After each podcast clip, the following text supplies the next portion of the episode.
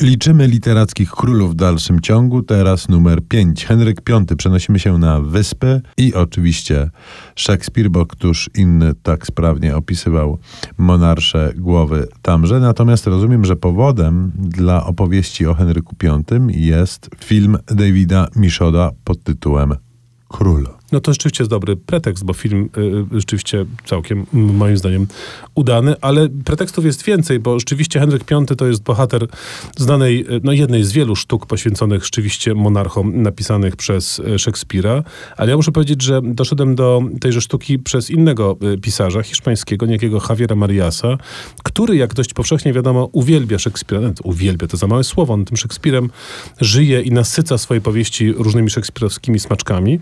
Często w ogóle jego tytuły są cytatami z Szekspira. Akurat powieść, o której mam na myśli, tytuł ma zgoła inny. Berta Isla to jej tytuł i zarazem główna bohaterka. I tam jest taka scena, kiedy żona rozmawia z mężem i dyskutują o sztuce Henryk V Szekspira właśnie.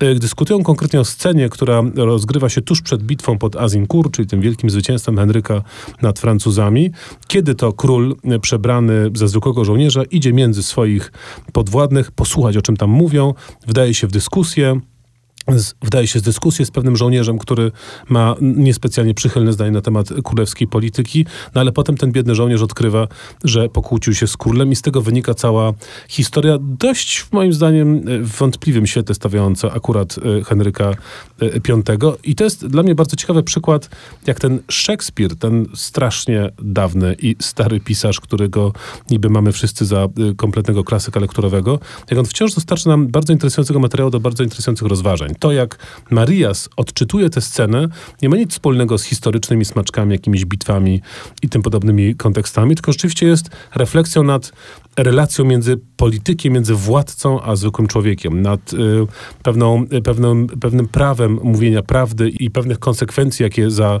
y, y, takie mówienie prawdy można, można ponieść. Kapitalna lektura Szekspira. Nie wiem, czy Szekspir naprawdę to wszystko miał na myśli, ale Marias cudownie wyłuskuje te smaki z jego opowieści. Czyli Szekspir, Marias i jeszcze do tego film do obejrzenia. Z jednego króla wyszła nam trójca. No a film ma całkiem dobrą muzykę i tej właśnie muzyki skomponowanej przez Nikolasa Britella. Posłuchajmy.